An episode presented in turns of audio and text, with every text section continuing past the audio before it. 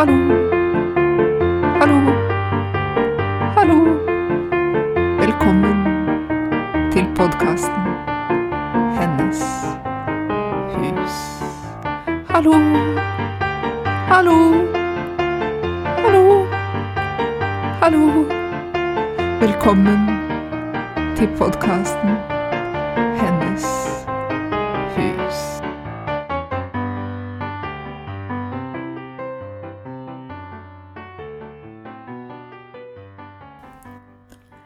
Hei og velkommen til en ny episode av Hennes hus. Og godt nyttår til alle som hører på. Jeg håper at det blir et bra år. Et mye bedre år enn de årene vi har hatt i det siste, kan det jo kanskje være lov å, å håpe på. Og jeg har i hvert fall tenkt å øhm, gjøre mitt beste for å lage spennende og hyggelige podkastepisoder som man kan lytte til um, i dette 2022-året. Det er min, av mine, et av mine nyttårs... Ikke fortsetter, jeg liker ikke det, men en av mine intensjoner for det nye året er det, altså. Jeg syns det er kjempegøy. Så uh, denne, det er fortsatt første sesong, tenker jeg, av Hennes hus, og vi driver med disse tynne stedene. Uh, som da Tynne steder er jo dette begrepet hentet fra keltisk spiritualitet som betegner steder der eh, sløret mellom det hinsidige og det dennesidige antas å være tynnere enn ellers. Um, og de sånne steder kan man finne overalt, og noen er mer kjente enn andre, og for tiden så driver jeg med en liten miniserie om eh, øya Iona på vestkysten av Skottland, som er et av de mest kjente såkalte tynne stedene for de som er interessert i, i, sånt, og særlig innen keltisk, keltiske spirituelle tradisjoner, da. Så det. Og vi har kommet fram til fjerde episode eh, om Iona. Og i dag så skal jeg snakke litt om eh, spredningen av kristendommen som eh, foregikk fra Jona etter hvert, og dessuten om manuskriptproduksjon, som jo er noe av det um, som øya er, er, mest kjent for. Og jeg begynner med, med, spredningen av kristendommen, for det var jo sånn at uh, Colomba han virket rett og slett som misjonær, um, en, en, tidlig misjonær i Skottland, um, og etter hvert også i Nord-England. Eh, og hva som er sagn og myter, og hva som er overdrevet, er jo litt vanskelig å, å si. Det er mange mm, historier om hans eh, misjonsvirksomhet, eh, blant annet da denne eh, boken som jeg nevnte i forrige episode, da jeg snakket om eh, hans møte med sjøormen Nessie. Eh, det var jo da en abbed som levde ca. 100 år etter, etter Colomba, på 600-tallet han skrev en bok om Columba, Life of Columba. Og det eh, En sånn hagiografi, da. En, en helgenbiografi. Og der er det mange vanvittige historier om, om blant annet eh, Columbas misjonsvirksomhet. Og, og, man strides enda i dag om hvor, ja, hvor langt kom han, og hvor mye mm, hvor mye av kristendommens spredning kan tilskrives eh, klosteret på Jona, det vet man ikke, men man vet at det var viktig. Eh, nordover, og da på vestkysten av Skottland, og etter hvert også østover. Og eh, i tillegg så, så ble det eh, I Northumbria, i Nord-England, så ble også Jona viktig. For eh, det var en, et medlem av kongefamilien der som het Oswald. Han, da han var barn, så var han en periode ble han liksom han bodde han på Jona av ulike grunner og fikk uh, opplæring og opp, ja, ble tatt vare på der. Jeg tror han var i eksil, eller på de var truet eller noe i den dur. Var, de drev jo og kriget med hverandre, disse uh, anglosaksiske småkongene. Uh, men da han senere ble konge av Northumbria, king Oswald, så ville han at en munk fra Iona skulle opprette et kloster der. Og eh, en munk da, som het Aiden, han ble sendt fra Iona til Northumbria og ba kongen om å få lov å, opprette et kloster på øya Lindisfarne, som jo ligger da på østkysten av, eh, av England, altså ved kysten av Northumbria. Og, og det fikk han, eh, og der ble det eh, da opprettet et datterkloster av klosteret på Jona. Det ble også helt sentralt i spredningen av kristendommen der, i området. Og i Norge så kjenner vi dette klosteret kanskje fra historien. Jeg husker det i hvert fall fra historietimene på skolen, fordi det var det første store vikingangrepet, eller om det var i år 693 Nei, unnskyld, 793, selvfølgelig. Um, at, uh, at, vikingene angrep det. Um, så det Ja. Og da var det allerede et uh, veldig viktig og rikt kloster, ikke sant. De ville jo ha uh, skattene deres, som også var disse bøkene, for så vidt, som jeg skal snakke om, eh, om litt, som var veldig vakkert innbundet og med mye gull og sølv og sånn. Så Lindisfarne er kjent. Men, eh, men det Og der, ja, drev de også med manuskriptproduksjon, da. ja, men um, Columba han døde jo i år 597, um, og samme år så kom det en misjonær fra Roma til England, uh, til Sør-England, til Canterbury. Han het Augustin, uh, ikke den samme Augustin som var biskop av Hippo, det er han kirkefaren Augustin, det var en annen. Han levde på 300-tallet. Men dette var en, en, annen Augustin som ble sendt av pave Gregor den første um, i år 597, samme år som Colomba døde, og det er på en måte litt symbolsk, fordi um, Colomba han kom jo fra Irland, som jeg har fortalt om, og det, de sto for en type keltisk kristendom, og var, den skilte seg litt fra uh, den som ble praktisert i Roma. Og uh, og den keltiske kristendommen han fikk da via Aiden og Lindisfarne og andre datterklostre rundt omkring i Skottland og Nord-England stor innflytelse der, i de områdene, mens den romerske kristendommen spredde seg i sør. Og de var blant annet fryktelig, fryktelig uenige om dateringen av påsken, og det var jo viktig, for, for påsken var jo den viktigste eh, kristne høytiden. Og ehm, og den keltiske tradisjonen holdt fast på en bestemt dateringsmåte som de mente var den originale, og som de faktisk eh, påsto at de hadde fra eh, selveste apostelen Johannes, og at den kom østfra.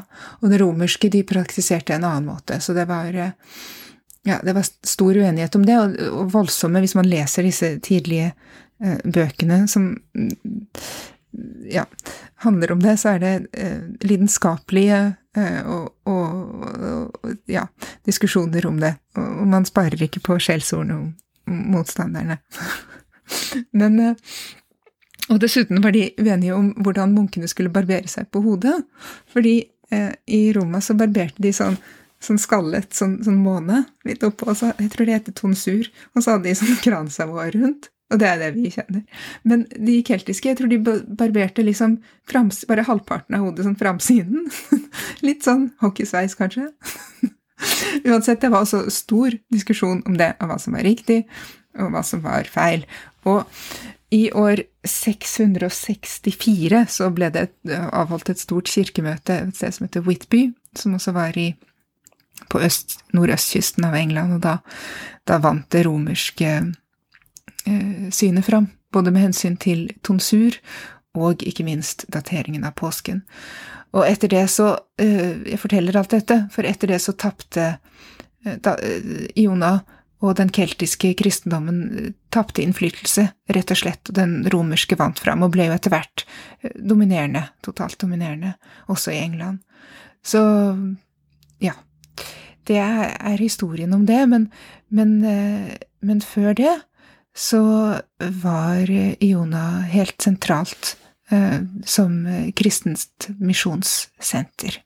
Eh, og, det er jo interessant, for det var jo han, St. Patrick han jo, han var jo engelsk, så han kom til Irland først, og så kom han via Irland til Iona og tilbake igjen til England og spredde seg der, da. For eh, han Patrick, han Det var jo ennå i romersk tid at han at han bodde i i England helt på slutten av, av Romerrikets tid, at han vokste opp der. Um, og så, ja, litt historie.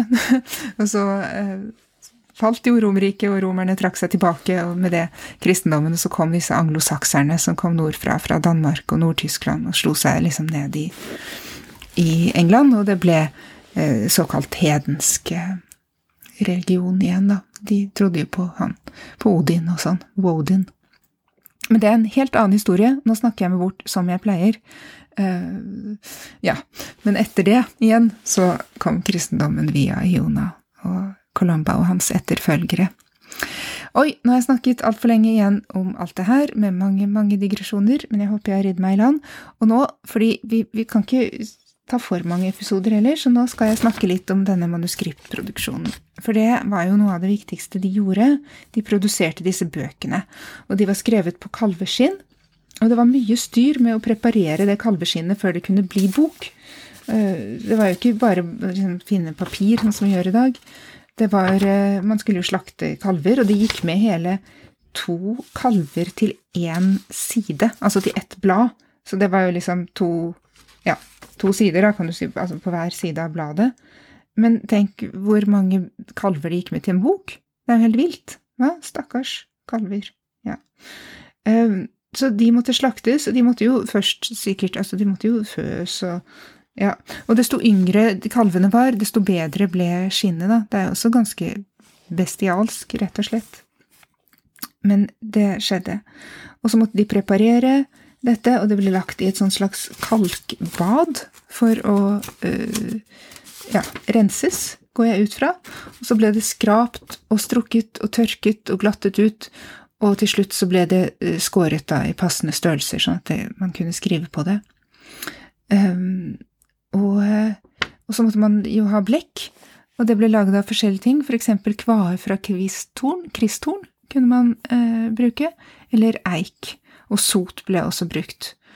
Og, og, og, disse bøkene er veldig vakkert illustrert. Jeg skal prøve å legge ved lenke til altså, sider som viser The Book of Kells, for den er jo fantastisk for de som ikke har sett den. Um, og da brukte man forskjellige naturlige stoffer som man fant i lokalmiljøet, da. Noen var ja, noen var også importert. Så eh, det her Det ble en, en, kunstform, rett og slett. Eh, og, og de munkene Det de skrev, da, de kopierte bibeltekster og andre tekster. Og i tillegg så skrev de en slags krøniker, som ble en slags historiebøker, der de noterte viktige samtidige og, og historiske begivenheter. Så de ble etter hvert er viktige kilder vi har i dag, historiske kilder om livet eh, på den tida. Så ja. Og den mest eh, kjente boka da, som av denne, denne stilen, som, de, som det er eh, det er den som heter The Book of Kells, eller Kells-boken på norsk. Og det er eh, en samling av de fire evangeliene, som er såkalt illuminert, som det heter. Det betyr jo belyst, men det var eh, å illustrere. Det er vel illustrere er vel samme, det er lys der òg.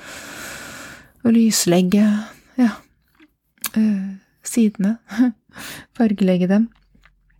Eh, og de eh, har veldig sånn vakre mønstre. Geometriske mønstre, og i tillegg er det masse dyr, særlig. Um, og også noen mennesker da fra Bibelen og ja, bibelske skikkelser. Um, og det er eh, et veldig sinnrikt symbolspråk i, uh, i denne boken, som man kan Det blir som en egen det sies at det er mye teologi i illustrasjonene også. Hvis man kan lese symbolene, så kan man lese mye av teologien, mye av hva Eh, hvordan de um, så på, på verden og ja, Gud og skaperverket. hvordan ting hang sammen ifølge ja, hvordan deres verdensbilde var. Um, og i tillegg til de fire uh, evangeliene så er det noe ekstra materiale, blant annet sånn derre en del sånne gen, genealogi, hvordan sier man det? Genealogiske lister? Sånne et, ettertavler. Ja. Um, og um, denne boka ble jo uh, antagelig påbegynt da på slutten av 700-tallet, på Iona, men uh, den ble aldri gjort ferdig der fordi vikingene kom. I år 802 kom de, og det skal jeg snakke om i neste episode, og plyndret og, og raserte på øya. Og som følge av det så ble, antar man, denne Kelsboken og andre klenodier fraktet til Irland og brakt i sikkerhet der, og man antar at The Book of Kells, som navnet antyder, ble fraktet til et sted som heter Kells i eh, ja, litt sånn øst, sentralt øst i, i Irland, der eh, kort tid før så hadde eh, munker fra Jona opprettet et, et datterkloster der også, og arbeidet ble her. Eh, man fortsatte å arbeide på boka her på 800-tallet.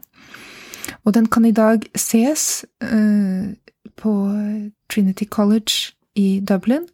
Jeg har vært og sett på den. Det var fantastisk, men det var før covid, så vi sto i kø. Det var tjukt med folk. Jeg regner med at det er annerledes nå. Kanskje er det bedre nå, kanskje har man faktisk bedre tid til å se på den, for det var litt mye folk. Men ellers så var det en fantastisk opplevelse. Så det anbefales.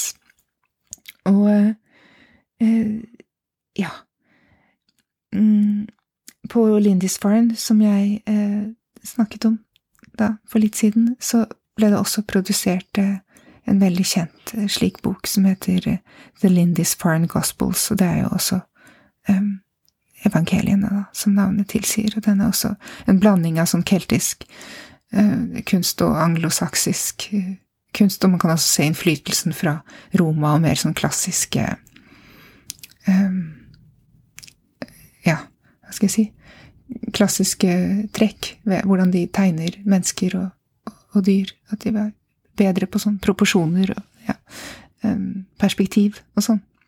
Men jeg er ikke kunsthistoriker, så jeg kan ikke gå i detalj om det.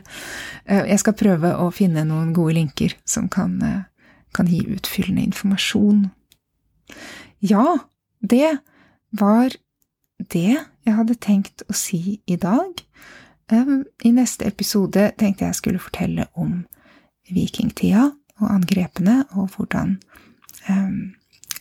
ja, historien på Jone artet seg utover i middelalderen. Så det blir spennende. Da gjenstår det bare å si tusen takk for i dag. Eh, hyggelig, veldig hyggelig at dere hører på. Eh, ta gjerne kontakt hvis dere har spørsmål eller kommentarer eller forslag til eh, steder og, og temaer dere vil høre om. Og ha det riktig fint.